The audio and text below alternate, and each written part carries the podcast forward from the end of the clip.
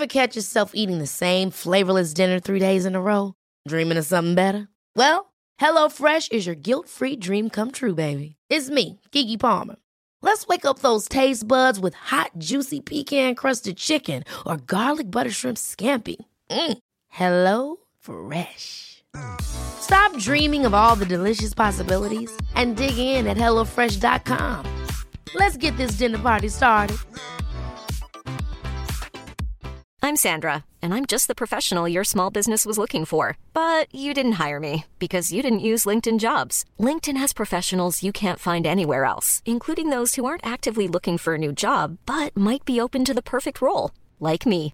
In a given month, over 70% of LinkedIn users don't visit other leading job sites. So if you're not looking on LinkedIn, you'll miss out on great candidates like Sandra. Start hiring professionals like a professional. Post your free job on linkedin.com/people today. There's never been a faster or easier way to start your weight loss journey than with PlushCare.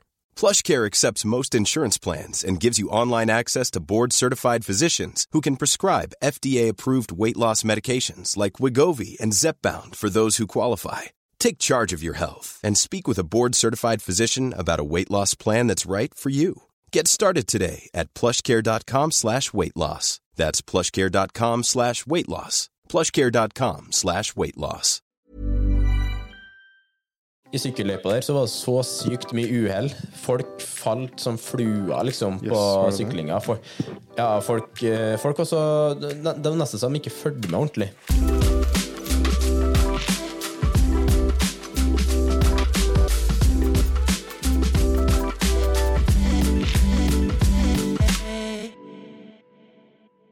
Hei og velkommen til Terrengsprat. Du hører på meg, Anders Muren. Og meg, Thomas Brun. I dag skal vi snakke litt om en veldig flott opplevelse for min del, i hvert fall. Det var Ironman i Texas. Det var ja, det, det, er nesten litt rart egentlig å sitere i Norge nå og tenke Det begynner å bli to uker siden, så satt jeg i hvert fall i Texas og var helt gåen i beina og litt stiv og støl. Din første Eh, full Ironman, ikke sant? Min første full Ironman. Den, eh, det er jo på en måte det som Yes. er Jeg liker ikke å si manndomsprøven, for det er jo kvinner som er med òg, men det er liksom den menneske, men, menneskets prøve, i hvert fall innenfor triatlon, kan man si. Absolutt. absolutt. Det er den store, store, store utfordringen. Man, kort oppsummert, da, hvis man ikke er oppdatert på det, så er det jo eh, Det handler om at man eh, kjører 3,8 km svømming. Har en transition til at man er på sykkelen i 18 mil. Så transition igjen til løpinga på et, et maraton, rett og slett. 42 km. Eh, eller 42,2 km. da, for å være 42,2. Det er viktig nye. å få med de siste to. Mm, Det, den er nye. Eh, så det, det høres jo ganske brutalt ut, og det er jo ganske brutalt òg. Ja. Du har jo kjørt eh, den i Canada, så snakka alle masse om som i bunn og grunn er egentlig litt verre, for det er så mange høydemeter òg. Ja, veldig mange høydemeter, mye stier. Så det er, det er, det er et ekstremtriatlon, kaller man det. Så det er ikke en, det er ikke en Ironman per merkenavn, men det er eh, samme distanse, da med litt sånn ekstreme forhold. Eh, Vi har jo prata litt om det, og vi har prata veldig mye om eh, erfaringer rundt det. Og ikke minst at du skal inn mot Norseman, som òg er en sånn ekstrem variant Yes. av en Ironman, kan vi si, bare for å forenkle det. Yep. Eh, og det, det er ganske sånn brutalt i seg sjøl. Og jeg må jo si at det var det jeg hadde med meg i tankene mine. at jeg skal ikke si noe, jeg har en ganske flat løype, varm løype, herlig løype egentlig generelt sånn sett, med masse folk som heier på, og eh, bare, bare masse motivasjon i løypa hele dagen. da. Ja. Så sånn sett tenkte jeg veldig masse på deg som skal gjennom en hva skal man si, litt, eh, litt kaldere og litt, litt tristere løype, vil jeg si. da. Mye mer ensom løype, i hvert fall. Det er helt sikkert. Fordi Ja. uh, The Ironman du var på i Texas, hvor mange deltakere hadde, vi, hadde dere der? Vi hadde 2500, tror jeg, var sånn påmeldt, hvert fall. Ikke sant? Så du er jo ikke alene på dagen. Du sykler jo og svømmer blant folk hele tiden og løper blant folk hele tiden. Eh, Et ekstremtriatlon, sånn som den jeg gjorde i Canada, og Norseman som kommer til å bli, så er det et par hundre eh, deltakere. Så du er egentlig så å si alene hele dagen. Og det er en veldig stor forskjell, da. Nei, så Du kan jo ta gange 2500 med fire, da, cirka, kanskje mer og i noen tilfeller, for da er det mange som heier på hjemme, og Ja. som er med på lasset, da, for å si det sånn. Det er en folkefest. Så, ja, ja, det er det. Og det er veldig kult i Texas. Det var, eh, det var så sykt mye folk der. Det var så masse folk som var heia på, Mm. for det var amerikansk mesterskap samtidig. Så folk satt jo i gatene og hadde pusha ut eh, grillene sine og hagemøblene. Satt, satt basically rett lam med fortauet, eller det vi løp, da, og satt der og heia og grilla. Og det, var, det var så god stemning i løypa, da. Så gøy. Til og med, ja, Kjemperått. Og til og med så hadde flere familier satt opp et eget bord for å dele ut eh, drikke. Så de hadde kjøpt inn Gatorade og vann og delt ut det til vi som løpte forbi. da. Oh, jøss. Så, så vi hadde jo drikkestasjoner. For en gang, Du har jo drikkestasjoner fra før av, men samtidig underveis så var det jo familier som hadde satt opp og ordna, ordna det sjøl. Så gøy. Så ja, det var ganske kult. Det bare det, det var Jeg følte at jeg fikk liksom oppleve i hvert fall USA på sitt beste der. da Engasjementet rundt sport og idrett, og eh, engasjementet rundt når det skjer noe arrangement. da Ja. det, det er litt på en annen måte der hva det kan være i Norge noen gang. Her kan vi kanskje holde litt tilbake pga. at vi ikke eh, Vi er kanskje litt redd for å forfjamse ting opp. Eh, mine erfaringer fra triatlon i Norge er at man eh, folk er litt redd for å måte heie for høyt og ha for høye heiarop.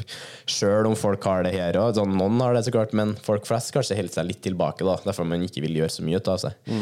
Men i Texas så var det folk i løypa som hadde kledd seg ut som hippier, som sto og slo med trommer. De holdt på hele dagen lang, så det var, ja, det var dritrått. Full fest. Det er gøy. Det høres veldig gøy ut. da. Hvordan gikk selve løpet? Kan du oppsummere litt for oss? Hvordan, dette er din første fulle Ironman, og i et land som er ganske langt unna. Det måtte reise langt hit, og du var der ikke så lang tid heller. Kan du ta oppsummere litt hvordan opplevelsen din var? Jeg reiste jo til, eh, til, til, til Texas uh, ca. fem dager før løpet. Litt sånn tight der pga. noe arrangement jeg hadde med jobben i helga før. Men veldig greit likevel, for at uh, i forhold til Jeg fløy jo sånn 24 timer, men i forhold til tidssonene så landa jeg veldig i god tid. da. Jeg landa liksom kvelds og kunne bare legge meg. Uh, Sjøl om jeg var helt utmatta etter flyturen. Det var så lang flytur. Uh, det var så mye kaos på flyplassene der. Men uh, kom nå fram helskinna, sykkelen med og alt sammen med. Brukte egentlig de første dagene bare på å bli vant til liksom den det, vi, vi lå jo seks timer bak da norsk tid, så når klokka var tolv her, var jo klokka seks her, da, eksempel. Så det var en liten sånn tilvenningsfase, det. Men samtidig så Den var liksom ikke så ille, da. Jeg syns det var verre nå når jeg for fra Texas og kom hjem til Norge igjen. Ja. Når jeg flytta tida seks timer fram igjen. da Jeg hadde egentlig håp om å kunne sykle litt og oppleve litt Texas og litt sånn USA-vibes der. Men i USA det er jo livsfarlig å sykle. Det er sånn, Er det du, du tar, ja, Veiene er jo pakka med biler hele tiden. De kjører eh, ja, Jeg tror normalhastigheter der på fleste veiene er sånn 100 km i timen. Mens her i Norge så har du kanskje samme veiene på 60 km i timen. Eh, samtidig så har du Du har egentlig ikke så mange som er ute der og sykler. da Så hvis jeg skulle ut og sykle, så sykler jeg liksom flere runder rundt i et sånn litt større nabolag. da For å liksom bare varme opp. da Så det var flere som gjorde akkurat samme, som var litt der sånn Ok, litt risikabelt å være ute og sykle her. Ja, du vil ikke Så- risikere. Nei, så, så oppladninga generelt ble egentlig litt sånn Det var litt sånn halvveis av at jeg ble litt overraska over at eh, syklinga var litt sånn skulle få til. Eh, løpinga var grei, da, så klart. Du kan jo løpe overalt, så man skal ikke si noe på det. Eh, samtidig så var svømminga litt sånn overraskende av at de, eh, i, de, de hadde noen gode basseng som jeg kunne svømme i. Men jeg ville jo ta med meg svømminga utendørs og prøve meg å svømme i åpent vann. Ja. Men der hadde de jo stengt ned den, eh, det, vannet vi egentlig, eh, sånn, det vannet vi svømte i, da, av at det var så sykt skittent. Så, ja, så de holder bare åpen eh, dagen før, så alle kunne liksom prøve vannet da.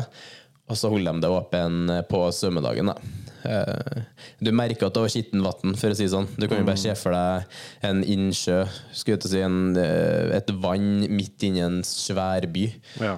Det er bare sånn Du, ja, det, du lukta at det var forurensa, liksom. Men det var, sånn sett så bare egentlig spise veldig masse mat. Eh, Det beste, beste med maten der var at det er så lett tilgjengelig. Du har jo restauranter overalt, og det er så mye forskjellig å velge mellom. Så det var egentlig veldig enkelt å finne seg noe italiensk, finne seg noe pasta, finne seg noe pizza, bare fylle opp karbohydratlagrene. Eh, og egentlig så var det uh, Dagene ble egentlig bare brukt til å slappe av. Gå litt, vandre litt og se litt. Oppleve litt. Få litt inntrykk av byen. Og jeg må si at jeg uh, ble litt sånn smått hvert forelska meg i i hvert fall den byen The Woodlands som vi var i. da. Jeg synes det var en veldig, veldig fin og hyggelig plass. da. Men så skal det sies at så klart, vil man ha en fullstendig god opplevelse, så har sittet igjen med en bedre opplevelse fra det vi gjorde for ett år siden i Mallorca, når vi Ja, gjorde den halve distansen. Ja. Som halvparten av det jeg gjorde i Texas. da. På grunn av der får du liksom, Det er kanskje litt mer egnet for å ta med seg familie. og sånn da. For Mm. De kan være på stranda, de kan sole seg mens du kanskje trener, eller mens du er og konkurrerer. da. Men i Texas var det litt mer sånn, kanskje litt begrensa å gjøre. Sånn, sånn sett da. Det, var, det er ikke noe strand å kaste ut på, liksom, da, da må du kjøre et stykke. da. ja, jeg skjønner. Men uh, generelt, kul by. Kult å ha vært der. Føles seg veldig internasjonal. Uh, og ikke minst kult å ha gjennomført den distansen. Jeg kan jo starte litt med den svømmedelen. Ja, fortell om På- løpet. Hvordan Ja. gikk selve, selve triatlonet? Nå er vi inne på løpsdagen, og vi starter jo Jeg starter med å våkne opp i sånn halv tre-tida, tror jeg. 02.30. Ja, så du begynner det- tidlig? Ja, ja, det starta ikke så tidlig, egentlig. Men bare, kroppen bruker jo to-tre timer på å få normal opp kroppstemperatur. Jeg ville bare spise god tid i forkant for å få, få det ned i systemet og få prosessert det maten. Eh, bare dobbeltsjekke at jeg har med meg alt sammen. Eh, jeg var jo der alene, så da blir det jo veldig sånn at eh, du kan på en måte bare ta deg god tid og dobbeltsjekke. Og bare for å være på det sikreste du kan være, så bare dobbeltsjekke, dobbeltsjekke. da. Så det var egentlig min, eh, min plan der. Bare ta meg god tid, kose meg med prosessen. Uh, tok, uh, tok en Uber ned til start og hadde med alt av svømmeklær og sånn. Og da begynte jo egentlig Du begynner å kjenne hjertepumpa slå da, når du begynner å gå inn på la meg syklene der. Du sjekker sykkelen din, pumper luft i dekkene igjen. Uh, bare dobbeltsjekke der at OK, drikken er på, alt er på plass. Alt sammen nå er smooth med sykkelen. Vandrer videre. Prøver å gå på toalettet, men så har man jo, har man jo litt nerver, da. Men uh, toalettet er jo viktig for de prosessen rundt der var veldig kult. da, for Før starten så var det så mange som prata.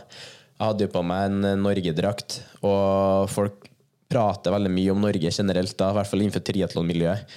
Folk snakker om hvor eh, Du snakker jo så klart om eh, Gustav Widen, om Christian Blumenfeldt og det norske teamet. Og veldig mye eh, Veldig kult, egentlig, hvor høyt opp på ransjen Norge står der. da Ja. til og med i USA, eller i hvert fall i Texas. da.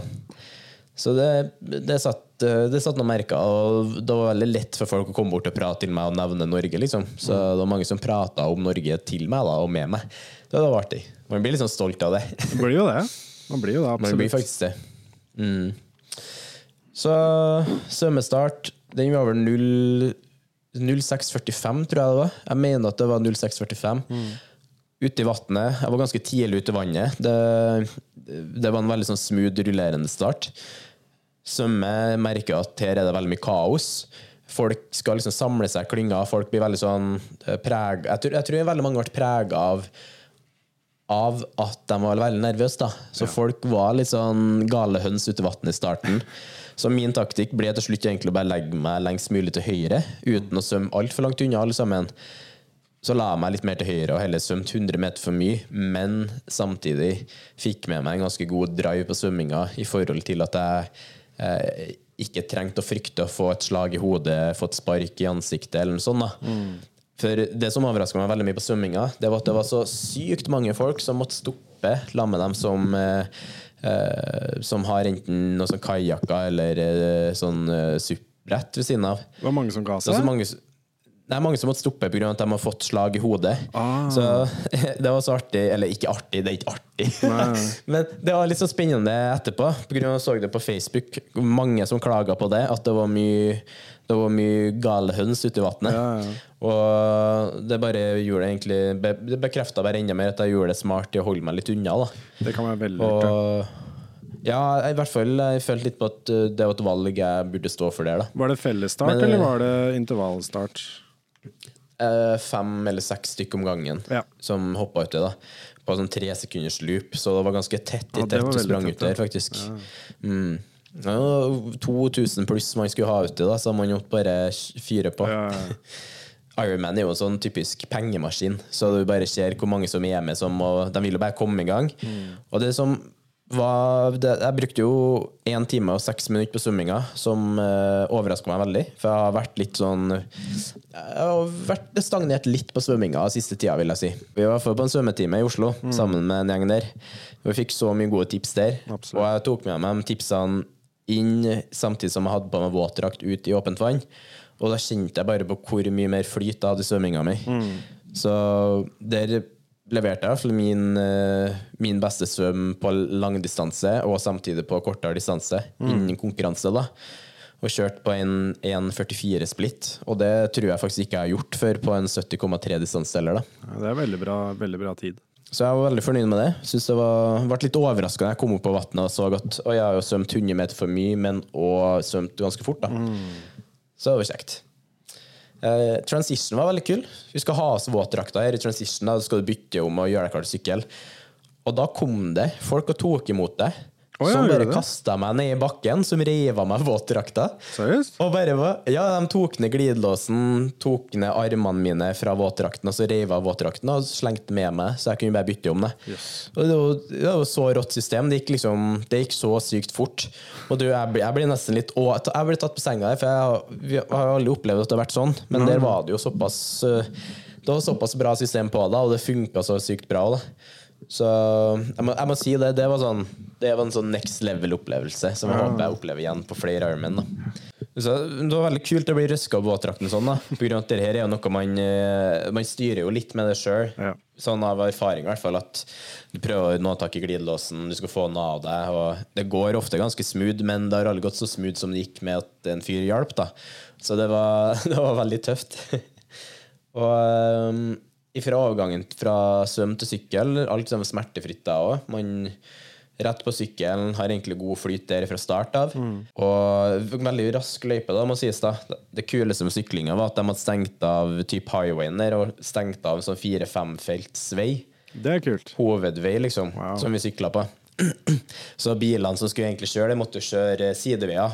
Og det var ganske mye trafikk på de sideveiene. da. Men det var så rått å kunne bare eie highwayen med sykkelen i en periode der. Bare det alene syns jeg egentlig var verdt hele opplevelsen. Før du fikk så Du fikk veldig bra fart med deg, og du fikk en kul opplevelse med det. Samtidig så fikk du jo Du fikk være veldig tett oppå alle proffene òg. Det var jo flere av eh, beste proffene i verden som var med òg. Så ja, det var ganske kult. Se liksom folk som har nettopp eh, Eller for et år siden vært på Hawaii og kommet på tredje, fjerde, eller fjerde og femteplass, det er for menn. da Og hun som kom på andreplass til damene, kjørte på der òg, da. Så det var ganske sånn Du blir litt sånn starstruck når du ser så mye spreke folk, da. Absolutt. absolutt. Det som slo meg litt på syklinga, det er vel, at det er veldig mye annerledes da enn syklinga på en sånn halvdistanse. I en sånn halvdistanseløp så kan du koste på deg å egentlig nesten gå litt all out og bare trykke litt på. Ja, ja. For grunn av at du, det, det er sånn akkurat at du tolererer det. Men på en fulldistanse, uavhengig om det er flatt eller ikke Jeg vil nesten si at det kanskje er mer negativt at det er så flatt. På grunn av at du aldri får en pause. Ja. Du må alltid tråkke, du må alltid Så etter 100 km eh, så hadde jeg, jeg hadde kanskje gassa på litt for mye. Og begynte å kjenne det da. Plutselig så begynte eh, vinden å ta litt. og ja, begynte, å, begynte rett og slett å kjenne at uh, nå har jeg fått det. Og jeg tenkte veldig mye på det. Nå har jeg fått det i beina. Nå, nå er jeg veldig spent på hvordan det skulle gå siste. da. Men uh, det jo, jeg har jo trent på noen sånne økter hvor man bare har det litt vondt og må bare fullføre. Og da kjenner man nytten av det å ha noen litt tyngre treningsøkter. Man, hvis, hvis man kjenner litt på tyngden i en konkurranse, f.eks. Men på en sånn langdistanse, og det gjelder jo også tri, eh, et fullmaraton også, du rekker å på en måte treffe veggen og gå litt ned i motivasjon og gå litt ned i fart og sånne ting. Og du har den tiden hvor Altså, si den rasjonelle delen av hjernen din kicker inn litt, grann, og du er liksom litt demotivert, og det er liksom ikke gøy lenger, på en måte. Så det, Nei, går, Litt, det går litt opp og ned. Det, går, det er litt daler og fjell Ja. her, sånn følelsesmessig og mentaltmessig. Og det er som du Ja, sier, på en, på en halvdistanse så har du egentlig ikke tid til å tenke på det, fordi du er Før du kommer til det punktet, så er du ferdig med syklingen, og da er du over på løpingen allerede. Da har du på en måte startet på nytt igjen. Men Mm. 180 km på sykling, det er nok da til å ha de nedeøyeblikkene hvor kroppen på en måte sier sånn OK, nå, dette gidder vi ikke mer. Ja, absolutt. Og det akkurat det du sier der, det jeg kjente spesielt på den når jeg nådde 90 km på syklinga. Og da begynte jeg å tenke sånn åh, Hvis jeg kjørte kjørt halvdistansen, så hadde jeg vært ferdig. Ja. Og begynte, jeg begynte å tenke den tanken, og da begynner det å bli litt sånn Samtidig når man kjenner det i kroppen at det er seigt, man er sliten Og det, det er gøy Eh. at du sier det, fordi jeg fikk akkurat det samme i Canada. Rundt mellom 90 og 100 så fikk jeg den samme demotivasjonen. Og da jeg følte at det gikk skikkelig, skikkelig, skikkelig treigt. Og det var også Mm. På det tidspunktet så tror jeg tror vi hadde en veldig lang og seig Den var ikke bratt. Det var ikke snakk om mange prosent økning, men det var en veldig lang og seig oppoverbakke. Og da går det, mye, ja, da går det mye tregere med en gang. Og så er det litt demotivert. Og sånn her, Åh, hvorfor Ja, jeg tenkte akkurat det samme. En halvdistanse. Jeg har vært ferdig med syklingen nå.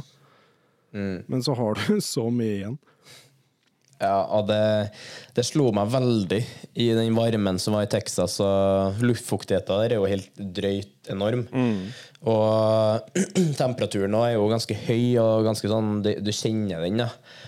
Men eh, det slo meg etter 90-100 km at her hadde det vært, vært godt å begynne å løpe nå. Ja, ja. Nå hadde det vært godt å komme seg litt ut av den og ligge i bøylene og litt sånn der. Bare heller komme seg med løpeskoen og begynne å jogge litt. Det, det kjente jeg litt på da. Men jeg fullførte og sto i de 180 km. Du snakket litt om korsryggen din og sånt etterpå. At du hadde vondt der. Var det pga. at du var i tempobøylene hele tiden? Ja, jeg kjente litt på det korsryggen. Sånn, du, du blir litt sånn stiv og støl, litt i skuldre og sånn. Ja.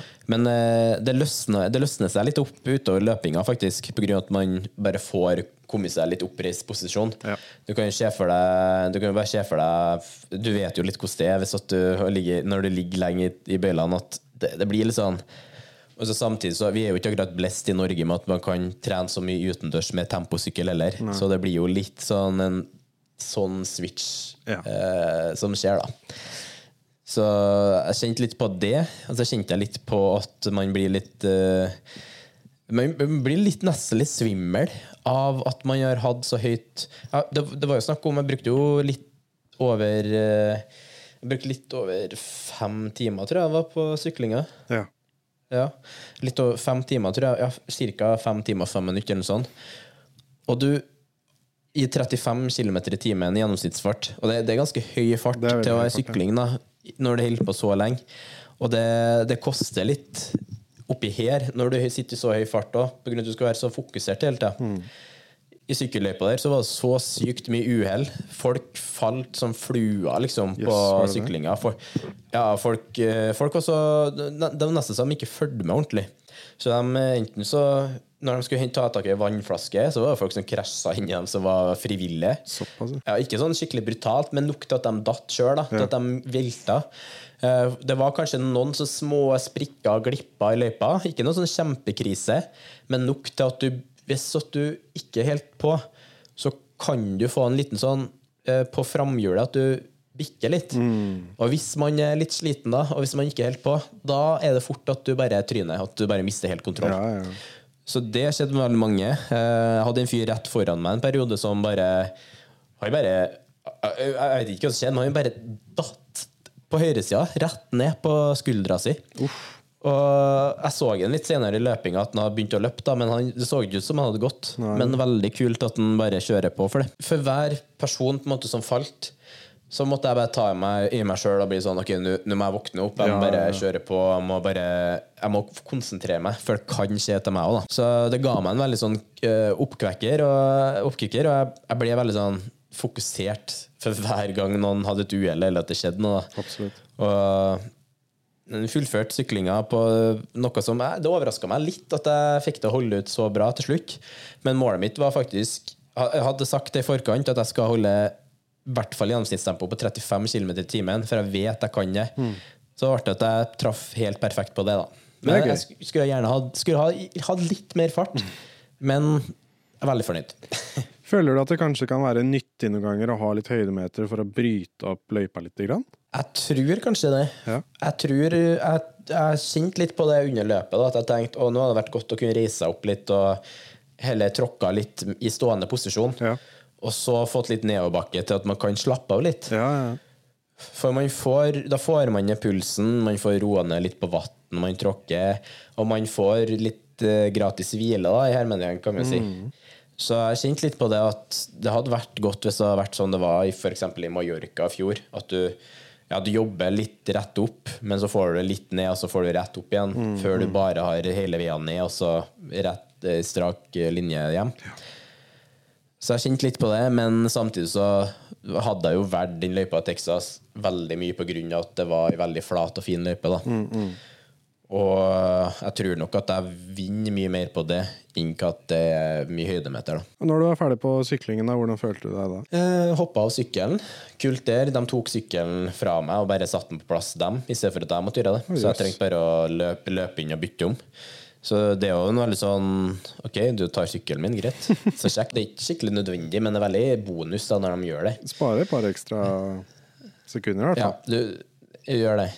Men da begynte jeg å kjenne hvor, eh, hvor godt det var å begynne å løpe og komme seg ut av sykkelposisjon. Absolutt. Og når jeg fikk på meg løpeskoen, så måtte jeg bare sette meg ned litt, puste litt. Og jeg husker at jeg bare tenkte OK, det er fortsatt i hvert fall fire timer igjen. Og da blir det sånn, du kommer i gang, jeg begynner å løpe på et sånn fem-tempo cirka. Og hadde egentlig sett for meg å løpe på et 440-450 tempo. Det, vet, det, det har jeg trent på. Det, det er liksom det jeg egentlig klarer å holde løp etter sykkel på, hvis jeg skal ha det roligste tempoet. Men det slo meg ganske fort at det her er helt annerledes enn hva du trener på. Du har hatt en lang svøm på en time først, du har hatt fem timer på sykkel, du holder på seks timer allerede. Um, og så kommer du opp på løpinga, og det er fortsatt veldig varmt, det er masse folk. Det, er, eh, det var ganske lite vind en periode der pga. at du var inne i byen og løpt rundt. Da. Så du fikk liksom aldri Du fikk en liten periode, fikk du en liten bris, og den brisen der hjalp veldig mye etter hvert. da. Men løpinga, det, det slo meg veldig at det er noe annet å komme ut på løp etter 18 mil sykling enn hva 9 mil sykling, da, sånn som vi gjorde i Mallorca Ja. på 9 mil sykling, så etter det så starter jeg ut i et mye høyere tempo som regel, og beina går med deg litt mer. Men etter 18 mil så kjente jeg veldig på at vet du hva, det her, her, her må jeg faktisk spare litt på kreftene. Hvis ikke kommer jeg til å jeg kommer til å stivne og få krampe og bare Jeg kommer å, jeg kommer til å få det, rett og slett. da. Og det er også en enorm stor forskjell mellom et halvmaraton og et maraton. Det er Ja, to det- helt, helt- forskjellige beist. Et, et maraton er et, er et mye større beist enn et halvmaraton. Så det må man også ha det i tankene. At du skal ikke Mm. spurte ut og komme deg av gårde veldig fort. Dette er, Mm. som du sier, å ta det ekstra minuttet og sette seg ned og kanskje la beina få komme seg lite grann før du begynner å hoppe av gårde. Det Ja. kan være lurt. Det er nettopp det. Og så samtidig så er det det at man bare Jeg vet ikke, det høres så Halvmaraton og maraton, det høres veldig nært ut. Det Ja. høres veldig beslekta ut. det. Men det, det er så vilt forskjellig. I hvert fall etter du har kjørt de distansene på sykkel og svømminga. Men òg bare Det maratonet i Texas der, det var en veldig sånn realitetssjekk på at man kan ikke forutse noe som helst i man, liksom, hvordan man skal holde tempo og sånn. Eh, Jeg, jo, jeg vil si at jeg, på grunn av at jeg eh, Ikke for å skryte, men jeg, vil like, jeg liker å tro at jeg kan trening. Jeg kan trening litt dypere pga. skolegang, pga. utdanning, pga. Eh, eh, veldig mye treningsinteresse. da Så min forståelse av hvordan kroppen min skulle respondere på løpinga, var egentlig at jeg skulle holde ja, 4,40 til 5 tempo per kilometer. da Ja. Men jeg endte opp med å holde gjennomsnittstempo på seks noe. Og jeg har aldri Det er kanskje to år siden sist jeg holdt et sekstempo på ei lengre løpeøkt. Men i den løpinga der så ble jeg så fokusert bare på at jeg skulle, jeg skulle bare komme meg i mål. Og jeg skulle bare gjennomføre så godt jeg kunne nå. Og jeg, jeg var litt redd for å pushe litt høyere tempo. Jeg kunne sikkert klart det. Ser- Jeg ser på liksom sånn tall fra eh, wattmåler på skoene og sånn etterpå at jeg kunne ha holdt mye høyere tempo egentlig, men jeg tror hvis jeg har gjort det, så hadde det vært mer en utmattelse psykisk Ja. som hadde trykka meg fortere. For jeg, jeg, jeg varte den eh, løpebiten i 33 km ca. uten å stanse i det hele tatt. Hadde bare flyt hele tida. Måtte bare senke tempoet litt for hver kilometer som gikk. Men eh, etter 33 km så begynner det å komme så mange andre eh, litt eldre folk og folk som bare gjør det for gøy og sånn i løypa, som går ifra start av. Og det første jeg begynner å tenke på, at nå kan jeg kanskje begynne å gå snart, for nå er det, så, det er ikke så lenge igjen likevel. Så jeg begynte å gå litt. Jeg tror jeg gikk kanskje 500 meter. Og så ble jeg sånn, vet du hva, hvis jeg går nå fort fortsatt, så kommer jeg til å bare tape så mye tid. Og jeg så at jeg var, hadde veldig god mulighet til å komme meg godt under 11 timer totalt. da. Så jeg begynte å løpe igjen og fikk en eh, veldig god uh, Du kaller det for en negativ splitt de siste åtte kilometerne. Ja. Det betyr at du, du løper raskere for hvert kilometer. da. Så jeg hadde mye mer i beina på slutten enn jeg kanskje trodde jeg sjøl hadde. Uh, og jeg fikk liksom vist at jeg har- jeg hadde litt sprut i beina, sjøl om det kanskje ikke virka slitt. Så jeg, samtidig så fikk jeg lært veldig mye da, at kanskje man skulle tørre å gå ut litt mer, og tørre å ta noen sekunder ekstra. Men samtidig så lærte jeg det at det er greit å ha litt respekt for kroppen sin da, og holde igjen litt, da, og heller kanskje avslutte litt sterkere. da. Så jeg er veldig sånn stolt over den gjennomførelsen.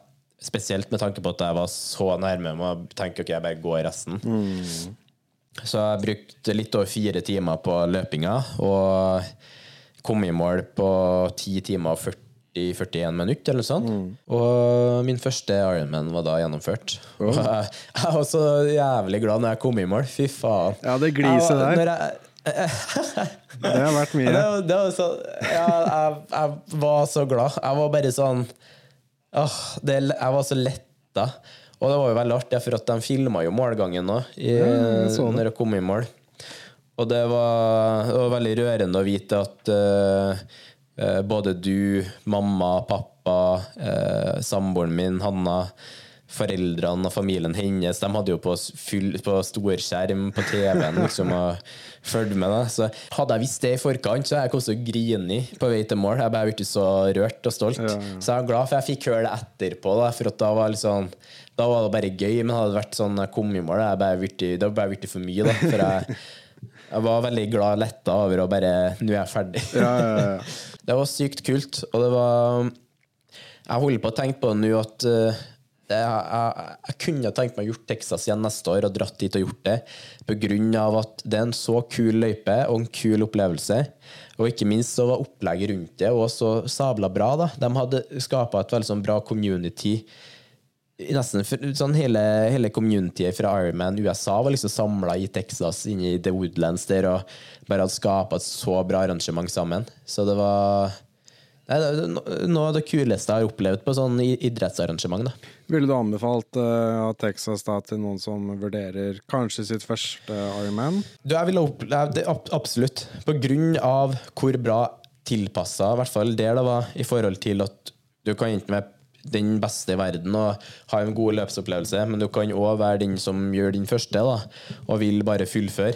Så det var, det var en veldig sånn løype egna for alle, da, vil jeg si. Og det er som du sier også, at det er veldig mange frivillige der. Det er veldig mange som hjelper deg og, og sørger for at du kommer deg fortere i mål. Det er også veldig fint med Ironman spesielt, føler jeg at de er, de, de, de er flinke på akkurat de greiene der. Ja, og det- må jo sies at det, det koster jo noen tusen å melde seg på. Men jeg har aldri sittet igjen etter et løp, et Ironman-løp og sittet igjen og tenkt det er jo ikke verdt pengene. Nei. På grunn av hvor bra egna de gjør løpsopplevelsen blir så bra. Man har så mye tilrettelagt for at du skal få en god opplevelse fra start til slutt. Uh, ofte er det I hvert fall i Texas så var det 4000 frivillige, tror jeg. Ja. Og det er mye mennesker som gjør det. De, de stiller opp helt gratis for å ha en Ja. Men bare tenk deg, det at du, tenk deg det at du kan sykle på motorveien uten trafikk, som du sier. Ja, det er i seg, ja, det er i seg selv. Du får ikke gjort, det, du får får ikke gjort det ellers. Nei, du får dessverre ikke det. Vi tenkte på det, det da, vi gjorde, vi, gjorde Arme, nei, da vi gjorde maraton i Paris også. Det å kunne løpe gjennom gatene i Paris uavbrutt. ja. ja, det er rått. Du får jo aldri gjort det, kult. ellers. Nei, du gjør faktisk ikke det. Bare det er verdt det, føler jeg. Jeg er helt enig. Og du får liksom Du får jo opplevd mye på en sånn tur òg, selv om det er slitsomt og sånn. Men du får uansett opplevd mye under den konkurranseperioden. da. Eh, Du får liksom Og kjent litt på det å leve i et annet land, Ja, ja. vil jeg si. I hvert fall for oss som eh, ikke reiser til plasser for å drikke og feste og sånn, oppleve det sånn, så er det ekstra gøy å gjøre et løp. da, så synes Jeg, jeg sitter igjen i hvert fall med det at det er sykt kult å gjøre et løp for å oppleve og få litt den stemninga med seg fra den plassen man reiser til. da. Så klart, det er jo ikke noe Vi tar oss kanskje en øl eller en vin etterpå, men min opplevelse av Ironman generelt og konkurranser generelt i utlandet, det er at det er så sykt kult å bare reise dit. og du, du blir så rusa på den følelsen av at det er så mange andre som reiser fra andre land, som møter opp dit for å ha samme felles målet. da. Ja, og så blir det sånn fellesskap med en gang. Altså, enten om du har Mm. på et bånd, eller folk ser på en måte Du klarer å se hvem som skal delta på triatlon eller ikke, føler jeg, når du drar til stedet. Og så har du Mm, du jo- eh, noe å prate om, og, og et vennskap der nesten med en gang. Du får jo det båndet, og da blir det liksom det med en gang at du hilser på dem, du smiler til dem. Og du smi man smiler til hverandre og blir litt sånn, ønsker hverandre lykke til bare med øyekast. eller? Ja, ja. Og det, det i seg sjøl, du skaper allerede da en sånn arena for at her er vi sammen, her heier på hverandre. da. Det er veldig rått. Absolutt. Og så må det sies, da, det, det kuleste med triatlon generelt, det er jo at du konkurrerer i samme felt hvor det er med damer, det er med profesjonelle, det er med alle mann alle som er med der.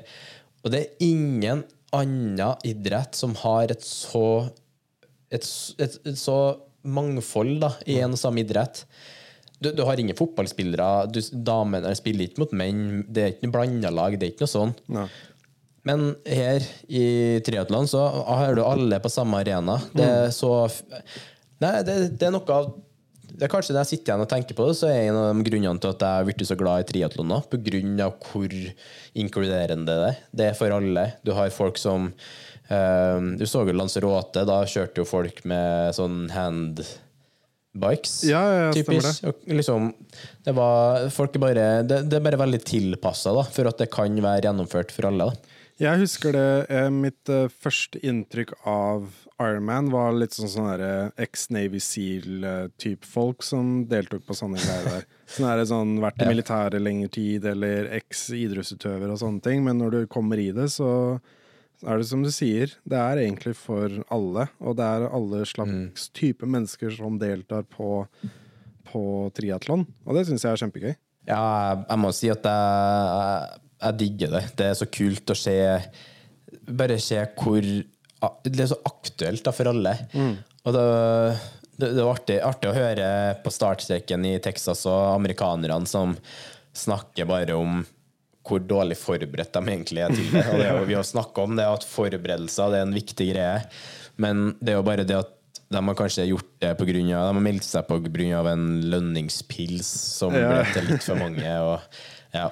Så det er litt sånn helheten rundt det er veldig kult. da Veldig menneskelig, vil jeg si. Absolutt. Nei, jeg syns det er kjempegøy. Og jeg, jeg fikk eh, følelsen nå av å ha lyst til å gjøre en Ironman igjen ganske snart. Jeg håper vi Vi har jo snakka litt om noe til neste år, i hvert fall. Det har vi. Eh, For det er jo Norseman nå som står i fokus. Men eh, det har vært kult å Vi snakka så vidt om det i. Det er jo ett år siden vi var i Mallorca sammen. Og Det var vår første med det- 70,3. Ja. Det var det første. Og jeg sitter igjen med det som en ekstremt god opplevelse. Mm. Det òg. Så vi får se hva neste mål blir. For meg nå neste er jo eh, NM i olympisk distanse i Arendal. Ja. Og jeg vet ikke om du har planer, eller Der om Der du kommer nok jeg venter også. litt. Der kommer nok jeg Ja, så også. bra. Det er et bryllup Herlig. samme helg som jeg skal delta i, men det kan hende at vi får det til. Ja, så jeg håper det har vært veldig kult.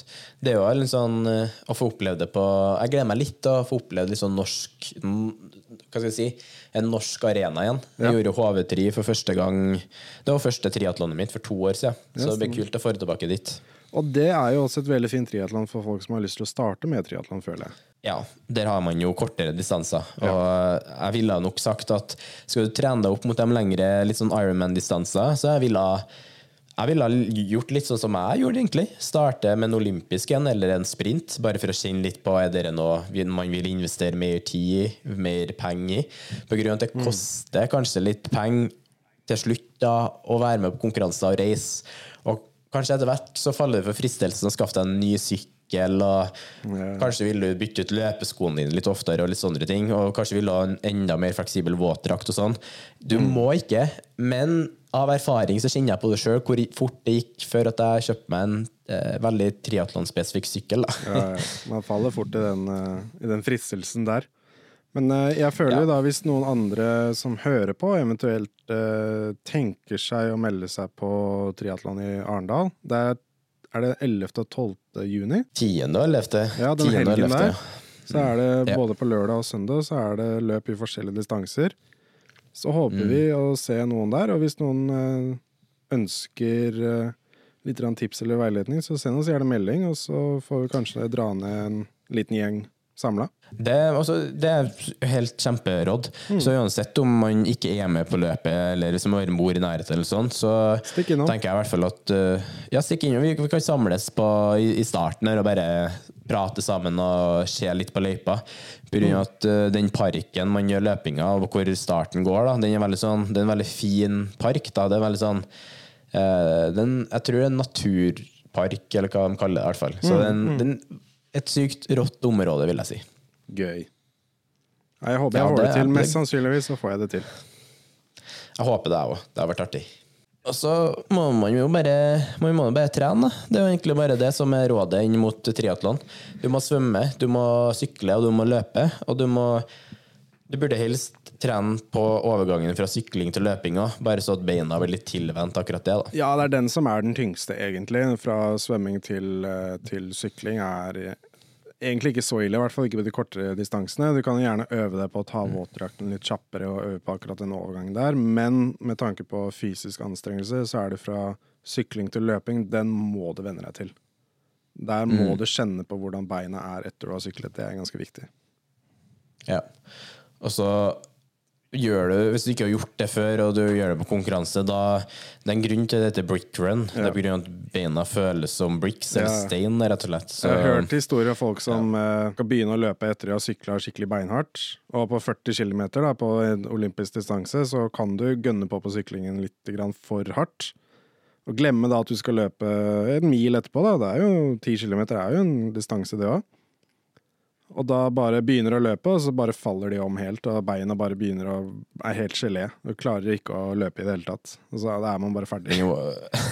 Den overgangen det, ja, nei, det anbefales ikke. Nei. Men jeg synes, eh, jeg fikk et spørsmål faktisk på treningspratkontoen, eller så var det min egen konto, hvor du ble spurt om eh, tips å trene opp mot Ironman. Ja. Og jeg syns egentlig du har dekka det veldig bra nå. Men det viktigste du gjør, hvis at du nå tenker Nei, jeg skal kjøre på med Jeg skal bare ta ta en Ironman, jeg skal ikke gjøre noe annet, jeg skal gjøre det bare for å fullføre det så må du rett og slett bare trene på å kunne holde ut i lengre distanser. Eh, hvis at du har begrensa med tid, så er det ikke så sykt viktig å nedlegge altfor mye intervaller og sånn der. Heller bare få volum på beina, løpt lange distanser, sykle lange distanser, svømt lange distanser. Eh, og legge opp det som en hovedplan. Og hvis at du får inn det, og så har du tid til noe ekstra, kan du legge inn intervaller på enten sykling eller løping. Men uh, det her handler rett og slett om å bli vant til å løpe lengre distanser. Absolutt. Så det er et veldig sånn enkelt svar på spørsmålet, men jeg tror mange faller for fristelsen å eh, kjøre kanskje som mange av proffene gjør på Instagram, at de har mye tøffe intervalløkter og sånn.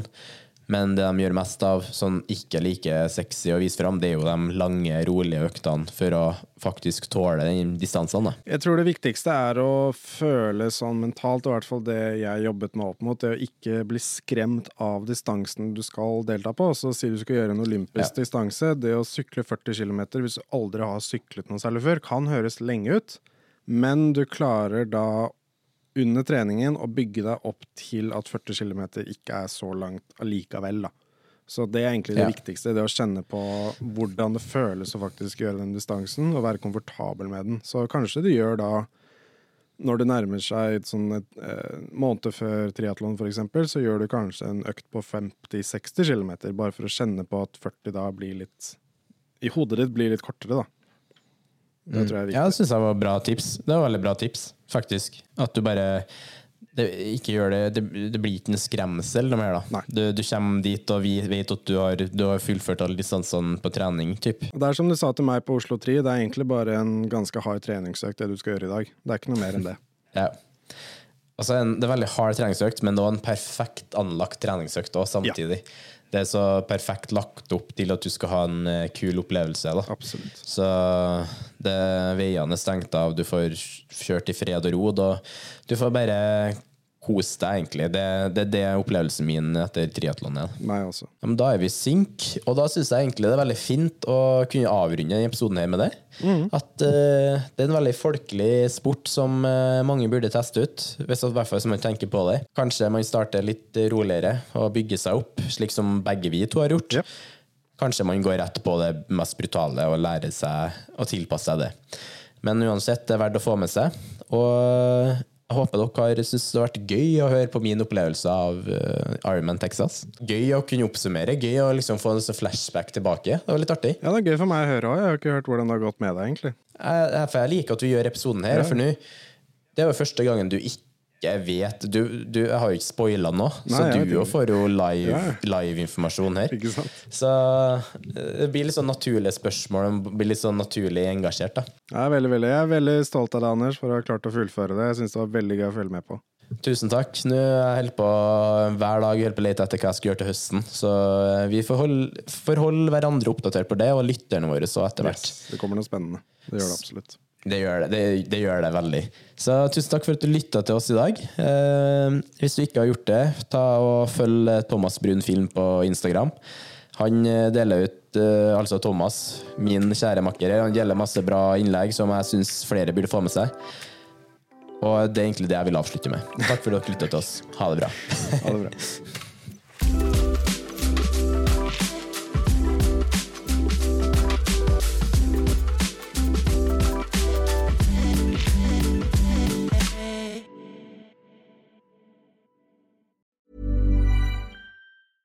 Ever catch yourself eating the same flavorless dinner three days in a row? Dreaming of something better? Well, HelloFresh is your guilt free dream come true, baby. It's me, Gigi Palmer.